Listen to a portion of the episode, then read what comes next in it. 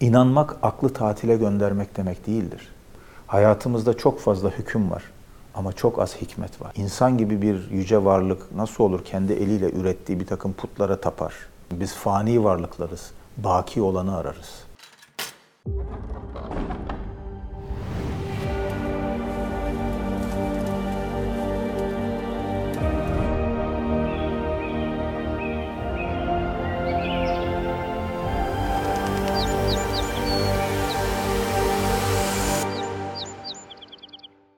Hazreti İbrahim bir peygamber. Cenab-ı Hakk'a diyor ki Ya Rab nasıl yarattığını bana göster. Ölüleri nasıl dirilttiğini görmek istiyorum. Cenab-ı Hak Ey İbrahim inanmıyor musun? der. Cevap inanıyorum ama kalbim de mutmain olsun istiyorum der. Şimdi bu kıssayı düşündüğünüz zaman Hazreti İbrahim'in e, Cenab-ı Hak ile böyle bir konuşma yapmış olması ve bunun bize aktarılmış olması vahiy üzerinden üzerinde gerçekten çok ciddi durmamız, tefekkür etmemiz gereken bir konu. Hz. İbrahim e, kendi kavminin nezdinde de sürekli sorgulayan bir kişi. Biliyorsunuz putları görüyor, anlamsız buluyor. Ya insan gibi bir yüce varlık nasıl olur kendi eliyle ürettiği bir takım putlara tapar? E, babası da put yapıcı. Kendisi de hani o toplumun bir parçası. Malum meşhur hikaye, gene Kur'an'da geçen kıssa. Bir gün işte şehrin önde gelenleri, şehir dışında bir yere gittiklerinde bir av gibi bir şeye Hazreti İbrahim gider, tapınaktaki bütün putları kırar. Baltayı da en büyük putun boynuna asar. Ahali geri döndüğünde tapınakta bunları görür. Tabii ki ortalık karışır. Kim yaptı bunu?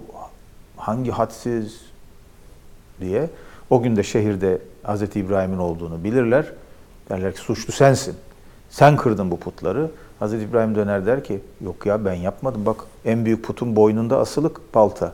Yapan o dediğinde kızarlar. Sen bizimle dalga mı geçiyorsun? Onun böyle bir şey yapamayacağını sen bilmiyor musun? Dediğinde Hz. İbrahim bakın ben size bunu anlatmaya çalışıyordum. Şimdi bakın çok müthiş bir zeka ile onlara yaptıkları yani puta tapmanın ne kadar anlamsız, saçma bir şey olduğunu gösteriyor. Ama Hz. İbrahim'in bu akli sorgulamaları burada kalmıyor. Cenab-ı Hakk'ı arayışı var. Mesela bunun anlatılması da Kur'an-ı Kerim'de çok anlamlı. Bir anlamda Hay İbni Yaksan hikayesinin de özüdür bu, kökenidir. Ay'a bakıyor, galiba bu diyor en yüce varlık. Ay batınca yok bu değilmiş diyor. Güneşe bakıyor. O bu daha büyük, daha güçlü. Kesin budur diyor en yüce varlık. Gece olunca güneş batıyor ve Hz. İbrahim'in ağzından Kur'an-ı Kerim diyor ki ben batan şeyleri sevmem. Efilin ifadesini kullanıyor. Batıp geçen giden şeyleri, geçici şeyleri sevmem diyor. Yani e, ben onu şöyle ifade etmiştim. Biz fani varlıklarız baki olanı ararız. Ve e, o sorgulama üzerine diyor ki alemde gördüğüm hiçbir şey alemin totalini anlatmak için yeterli değil.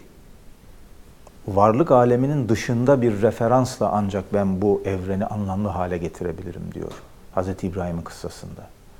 Ve Cenab-ı Hak ile böyle bir muazzam bir bağ kuruyor. Şimdi bu tırnak içinde sorgulama, arayış, Hz. İbrahim'in aklıyla yaptığı bir şey. Ve bunun bir yerinde de Hz. İbrahim kıssası çok geniş anlatılır Kur'an-ı Kerim'de biliyorsunuz. İşte Safa, Merve, Kabe'yi inşa etmesi vesaire o da ayrı bir bahis biliyorsunuz. İşte Hz. İsmail'le olan şeyi yani kurban etmesi, kendi evladını o da ayrı bir bahis. Her biri çok muazzam anlamlar, dersler içeren bölümleridir Hz. İbrahim kıssasının bunlar. Ama burada sonuç olarak Cenab-ı Hakk'a bana nasıl yarattığını göster diyor. Ve Cenab-ı Hak da ona işte diyor öyleyse diyor şu kuşları al, kafalarını kopart, şu tepeye bırak. Belli bir mesafeden onları çağır, sana nasıl uçarak geldiklerini göreceksin diyor. Ve gördüğü zaman da Hazreti İbrahim şimdi kalbim mutmain oldu diyor. Bu arayış yani akıl ile kalp arasındaki bu bağ Kur'ani epistemolojinin de en temel unsurlarından biridir. İnanmak aklı tatile göndermek demek değildir. İnanmak aklın imkanlarını daha ileri noktalara taşımaktır. Bu manada iman, inanç, inanmak akla meydan okur. Kendini aşabiliyor musun der. Ama akıl da aynı zamanda imana bir epistemik kognitif boyut kazandırır. Onu daha anlaşılır kılar. Onu ifade edilebilir bir hakikat haline getirir. Dolayısıyla nasıl akıl ile kalp arasında böyle bir bağ varsa iman ile akıl arasında da böyle bir bağ kurmuştur bizim geleneğimiz. Bunları birbirine düşman etmemiştir hiçbir zaman. Bunların birbirini beslemesi, yer yer kamçılaması gereken şeyler olarak görmüştür. İnandığı ölçüde akli muhakemesi derinleşiyor. Akli muhakemesi derinleştiği oranda imanı artıyor. Tam söylediğinizi destekleyecek bir şey. Kur'an-ı Kerim diğer peygamberler için kullanmadığı bir ifadeyi Hazreti İbrahim için kullanıyor. Evvah. Çokça ah eden. Şimdi ah aşıkların esmadır derler. Ah etmek kalbin işi. Aklıyla çok sorgulayan, kalbiyle çok ah eden bir peygamber Halilullah oluyor. Allah'a halil oluyor. Allah'a halil oluyor. Dostluk nasıl ele geçer de bir birazcık ipucu veriyor. Peki bölüm bitmeden zevk-i selim çok yitirdiğimiz ve çok aradığım, eskiden varlığını eserlerimizle seyrettirdiğimiz, şimdi yaptıklarımıza bakarak yokluğunu hissettiğimiz şey zevk-i selim. O konuda ne diyeceğiz? Ee, modern dönemde güzel olan maalesef bir lüks olarak kurgulandı. Zevki selimin sonucu ortaya çıkan, onu temsil eden güzellikler. Bu bir sanat eseri olabilir, bu bir dokuma olabilir, bu bir güzel bir kilim olabilir, evinizde kullandığınız aletler, enstrümanlar olabilir. Bunlar sanki e, lüks ürünleriymiş, sadece zengin insanların sahip olabileceği şeylermiş gibi algılandı. Çünkü modern sanat toplumdan soyutlandı, yabancılaştı. E, modern sanattan kastım modern batı sanatı tabii. E, çünkü e, e, aydınlanma sonrası modern batı sanatı, özellikle de resim sanatı, kendine yeni bir alan inşa edebilmek için o toplumun dışına çıkmak zorundaydı. Bir kenara doğru bir çekilmesi gerekiyordu. Kendi özgün şartları içinde yaşadığı bir tecrübedir bu. Bunu alıp bütün aleme teşmil etmek büyük bir hatadır. Böyle yaparsanız siz Çin sanatını izah edemezsiniz. Japon zen sanatını izah edemezsiniz. Afrika sanatlarını izah edemezsiniz. Onlara da sanat değil diyemezsiniz.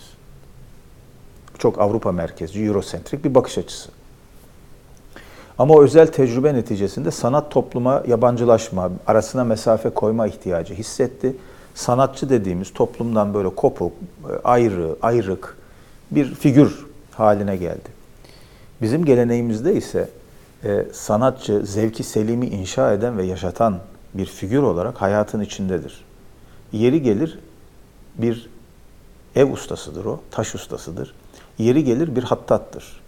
Yeri gelir bir bestekardır, yeri gelir bir şairdir. Yeri gelir bir e, dokumacıdır, kilim dokur. Yeri gelir boyacıdır. Kök boyalarla o kumaşları boyar. Yeri gelir bir kündekaridir, yeri gelir marangozdur. Ve bir medeniyetin e, estetik zenginliğini bu ekosistem inşa eder ve büyütür. Şimdi Mimar Sinan gibi bir mimari dehayı düşünün. Altında nasıl bir sistem vardı Mimar Sinan'ın?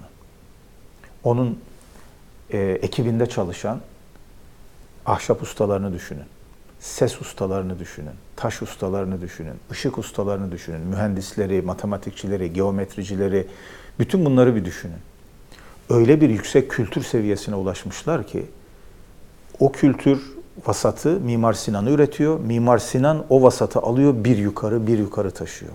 Süleymaniye'de bir yukarı taşıyor, Selimiye'de bir başka yere taşıyor ve bütün bunlara da Kanuni gibi bir büyük kudretli devlet adamı da sahip çıkıyor.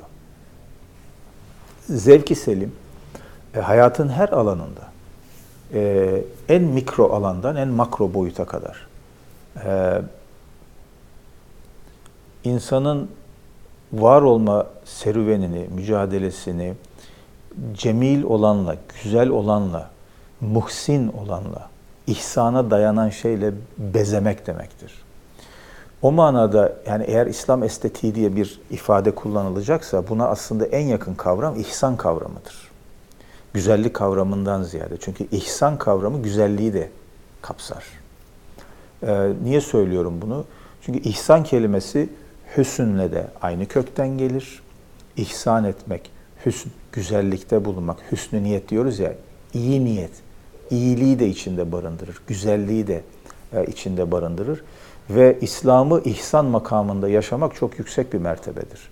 Cibril hadisinde de ifade edildiği gibi biliyorsunuz, e, tasavvufun da en temel kavramlarından birisidir. E, Allah'ı görüyormuş gibi ibadet etmektir ihsan makamı. Ve ekliyor, sen onu görmesen de o seni görüyor.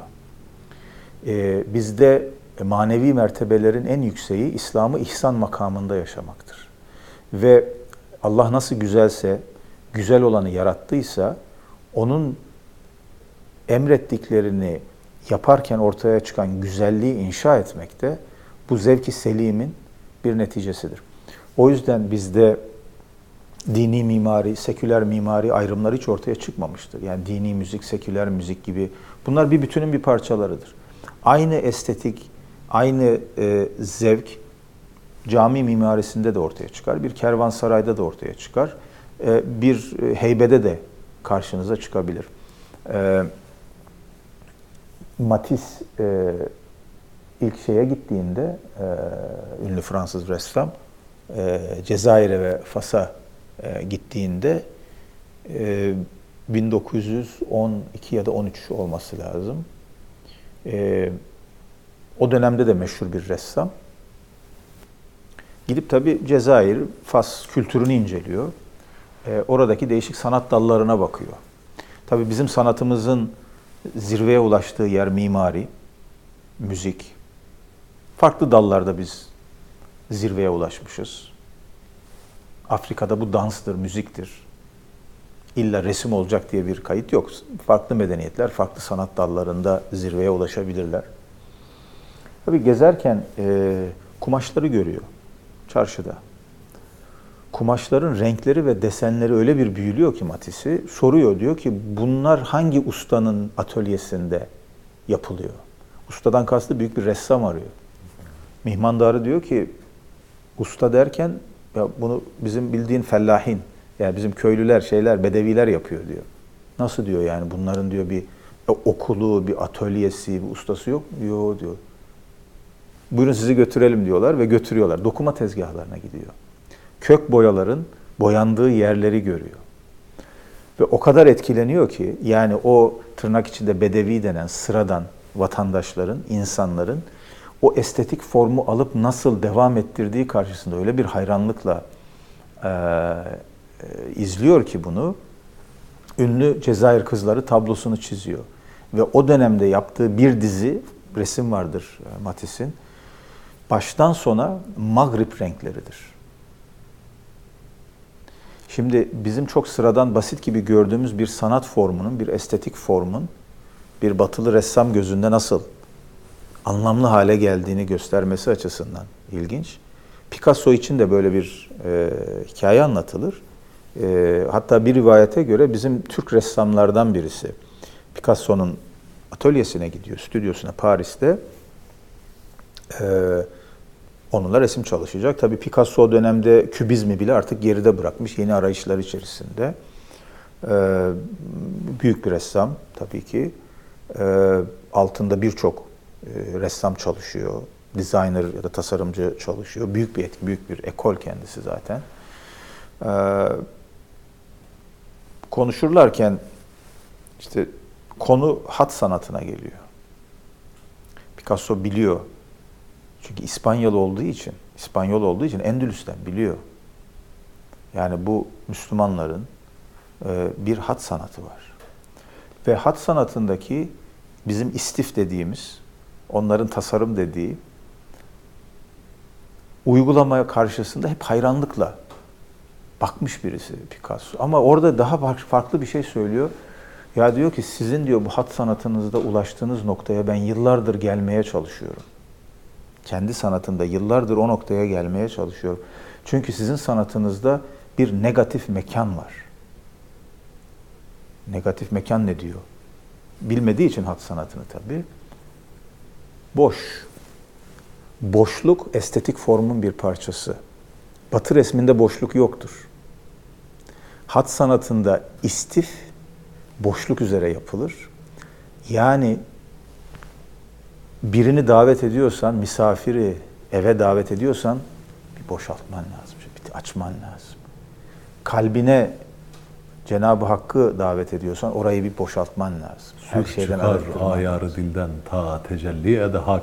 Padişah konmaz saraya hane mamur olmadan. Olmadı. Eyvallah. Devam edelim. Ve sizin diyor hat sanatınızdaki bu negatif space dediği, negatif e, mekan kavramını ben anlamaya çalışıyorum. Nasıl muazzam bir soyutlama biçimidir bu diyor. Ben yıllardır sanatımda soyutlamayla buraya gelmeye çalışıyorum ki Picasso hani soyutlamanın zirvesine ulaşmış bir bir sanatçıdır. Kübizm de odur. Hiçbir zaman zaten naturalist olmamıştır resminde E, ya da işte romantik olmamıştır, empresyonist bile olmamıştır. Onun çok ötesine geçmiş bir ressam. O sanat formu ile bizim hat sanatı arasındaki bu ilişkiyi kuruyor. Buradan bir şey çıkartmaya çalışıyor. Hatta o dönemde Picasso ve birkaç çağdaşının eserlerinde e, Arap harflerine benzeyen yani hat sanatını andıran figürler vardır. Bilmiyor tam ne olduğunu ama figüratif olarak o kadar etkilenmiş ki o şeyden. Şimdi e, zevki selim bizim medeniyetimizde bu estetik formları üretmiş bir e, duygudur. Bunun arkasında akıl da vardır, kalp de vardır, zevk de vardır, his de vardır. Hepsi birliktedir. Çünkü manayı inşa eden akıl, kalp ve zevkin bütünlüğüdür. Bir sanat eseri sadece sanatçının duygularından ibaret değildir. Sanatçının aklı da vardır orada, kalbi de vardır, ruhu da vardır. Ama sanatçının aklı, kalbi, ruhu nereden besleniyorsa eserine de o yansır zaten. Hangi köyün suyunu içtiyse, hangi yaylanın havasını teneffüs ettiyse, hangi gök kubbenin altında semaya baktıysa eserine de onu yansıtır. Burada bir soru soracağım. Şimdi Picasso ve hat demişken tam da yeri. Şimdi Picasso'ya ilhamı veren Allah, Karahisari'ye ilham eden Allah'tan bir başka Allah değildi. Elbette. Üfleyen Allah Mozart'a da üfledi o nefesi. Bir sanatçı bağlamında bunu soracağım. Bir de medeniyet. Zannediyoruz ki işte antik Yunan, Roma, Endülüs, Çin, Hint, Osmanlı falan birbirinden tamamen bağımsız, birbirini reddeden şeyler. Halbuki alıp biçimi dönüştüren ve başkalaştıran bir taraf var bunlarda. Yani antik Yunan'da bir tohum düşüyor, Roma'da çiçek oluyor, Osmanlı'da minyatüre dönüşüyor. Çin'de işte başka bir şekilde görebiliyoruz onu, farklı bir formda. Medeniyetlerin birbiriyle kavgası bağlamında ve sanatçılara ilham eden Allah'ın aynı Allah oluşu bağlamında ne söylemek lazım? Ee, hak tektir, e, tecelli mütenevvidir. Ee, nasıl Esma-i Hüsna Özür dilerim tabii şimdi bizim çocuklar mütenevvi ne demek diye bir pencere açacaklar burada. açsınlar. Ee, Esma-i Hüsna da e, bu kesreti ifade eder. E, bunlar e, Cenab-ı Hak'tan, zatından ayrı değildir ama bizzat aynı da değildir. Çok e, esrarlı bir ilişki vardır orada, çok özel bir ilişki vardır. Uzun bir kelami tartışma olduğu için kelimelerimi dikkatle seçiyorum ve birkaç cümleyle ifade ediyorum bunu. Ama bize zat hakkında, mutlak gayb olan Cenab-ı Hakk'ın zatı hakkında fikir verirler. Cenab-ı Hak Er-Rahman'dır, Er-Rahim'dir, El-Halık'tır ve diğer isimler düşündüğünüz zaman onun alemdeki var olma şekillerini, tecelli etme şekillerini ifade eder. Birçok e, bizim Arif'e göre, e, alime göre de evren Cenab-ı Hakk'ın esmasının tecellilerinden ibarettir. Bütün varlığın kendisi. E, kaynağı orasıdır. Bu tecelliler nasıl farklıysa Esma-i Hüsna üzerinden onların girdiği formlar, biçimler ve onlarla birlikte gelen ilhamlar da farklı farklıdır. Dolayısıyla bunlar da ilahi yaratılış ekonomisinin çok farklı yönlerini e, ifade eder.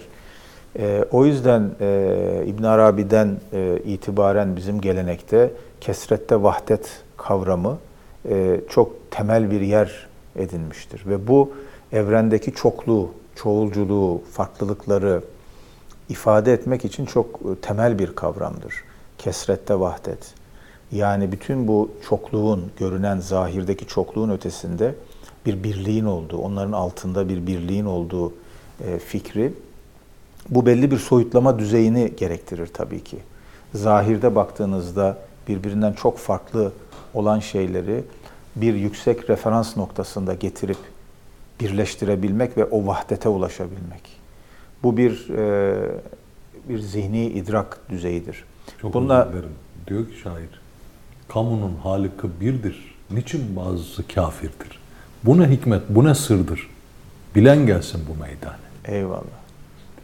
Hepsinin bir hikmeti var. Bir yeri var. Çünkü e, gene Kur'an'da geçen bir Ali İmran suresindeki bir ayette bir duadır e, o biliyorsunuz. Ve ma halakta haza batıla der.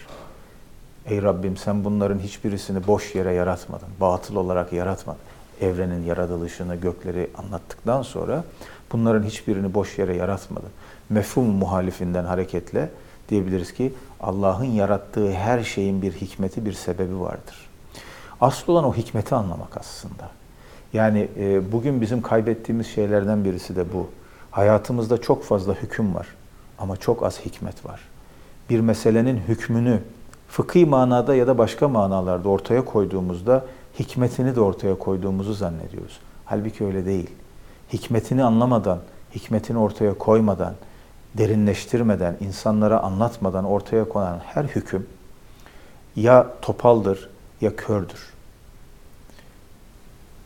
Hüküm ancak hikmetle anlamlı hale gelir. Çünkü hükmün sebebi onun neden var olduğu hikmetidir. Hikmet de hükümle birlikte muhkem, yaşayan, devam eden bir şey haline gelir. Bu dengeyi bizim yeniden e, dünyada kurmamız e, gerekiyor. Nasıl yapacağız hocam? Hani her Firavun'a bir Musa var da her Musa'ya bir Hızır yok maalesef. Bunun için çaba sarf etmek zorundayız. Bu yolculuğun belki e, en önemli vazifelerinden bir tanesi bu bize yüklediği. E, bu e, çoklukta birlik meselesini de böyle hikmet nazarından ele aldığınız zaman e, aslında bunun o kadar da imkansız olmadığını görürsünüz. Yani mesela bazen bir bir bir şey yaşarız. Hepimiz insanız deriz. O cümleyi kurduğumuzda dünyada 8 küsür milyar insan olduğunu hepimiz biliyoruz değil mi? Her birinin ayrı ayrı yaratıldığını biliyoruz. Her birinin ayrı özelliklere, huya, suya, kültüre, tarihe, kimliğe sahip olduğunu da biliyoruz. Ama öyle bir noktaya geliyor, hepimiz insanız diyoruz. Hepimizin buluştuğu bir nokta var. İşte orası kesrette vahdet noktası. Bu noktalara ne kadar hassasiyet gösterebilirsek, bunların derinliklerinde yatan manaları ne kadar ortaya çıkartabilirsek, aklımızla, kalbimizle, duygumuzla, işte o zaman e, bunların bütün bu çeşitliliklerin, farklı kültürlerin, dillerin, etnik kimliklerin her birinin bir ayet olduğunu da o zaman hatırlarız. Ve bunların boş yere yaratılmadığını, hiç kimsenin ırkından, dilinden, kültüründen dolayı birinin diğerinden üstün olmadığını, olamayacağını yahut aşağılanamayacağını o zaman anlarız. İşte en yüksek metafizik referansla varmamız gereken yer burası. Böyle baktığınızda ırkçılık, ayrımcılık sadece bir kanuni suç olmaz. Büyük bir metafizik günah haline gelir. Bir hata, bu daha ağır bir hükümdür aslında. Daha ağır bir cezadır, daha ağır bir cürümdür. Şimdi böyle baktığınızda elbette Çin medeniyetinin ürettiği estetik formlar kendi içinde muazzam bir zenginliktir.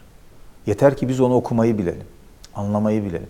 Afrika sanatının ürettiği, Afrika insanının ürettiği, bir milyardan fazla Afrikalı insanın ürettiği muazzam bir sanat kültür var.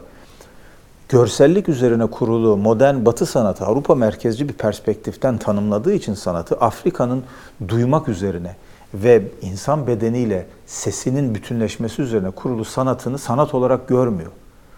Ya bu bir kıyımdır, bu bir suçtur, bu bir günahtır.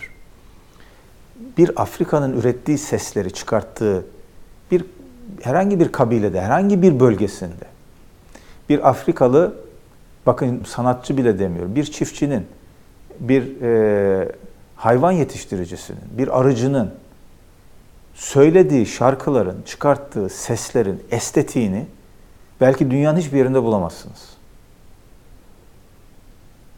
Yani bir Mozart, bir Beethoven, bir Bach gidip o sesleri dinlese herhalde sadece şapka çıkartır. Bir insan sesi nasıl bu kadar rafine hale gelebiliyor?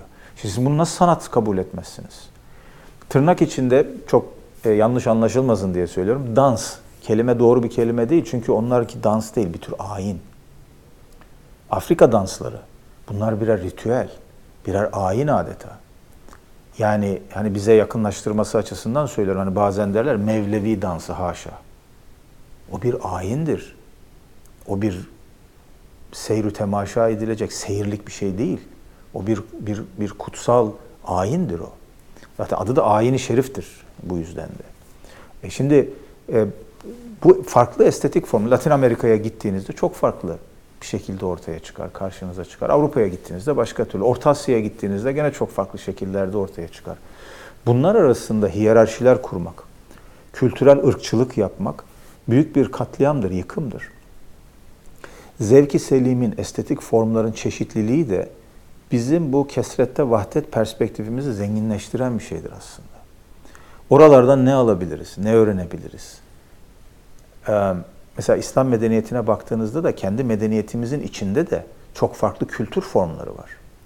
Yani e, bir Müslüman Türklerin ürettiği estetik ve sanatsal habitat, Müslüman Hindistanlıların ürettiği estetik habitattan farklıdır. Biz burada Selimiye'yi, Süleymaniye'yi, Sultanahmet'i yapmışız. Onlar orada Tac Mahal'i yapmış. Fas'a gittiğinizde ya da Tunus'a gittiğinizde Karaviyin Camii bambaşka bir estetik formda ortaya çıkmış. Endülüs'e gittiğinizde Kurtuba Camii ya da Elhamra Sarayı Granada'da başka bir estetik forma bürünmüş. Bunlar kavga etmek zorunda değil ki. Bunların her biri o derindeki zevki selimin farklı tezahürleri. Ve her biri bir bütün olarak güzel. Bunları birbirinin rakibi gibi görmek yerine ya da e, e, yerine geçecek e, mübadili gibi görmek yerine bunları aynı estetik yolculuğun farklı duraklarında karşımıza çıkan güzellikler olarak görelim. Ama bilelim ki bunlar son tahlilde hepsi o yolculuğumuzu daha anlamlı, daha güzel, daha kalbi, daha insani, daha vicdani hale getiren, hayatımıza doku, renk katan güzelliklerdir. Ve son tahlilde, en son tahlilde söylüyorum bunu, bunların her biri birer işaret levhasıdır. Her işaret levhası kendinin dışında bir hakikate, hakikati işaret eder. Levhanın kendisi hedef değildir. Levha çok güzel diye, çok ışıklı, nefis diye gidip levhanın altında yatmak yolcu için büyük bir kusurdur. Asıl olan levhaya bakıp yola devam etmek.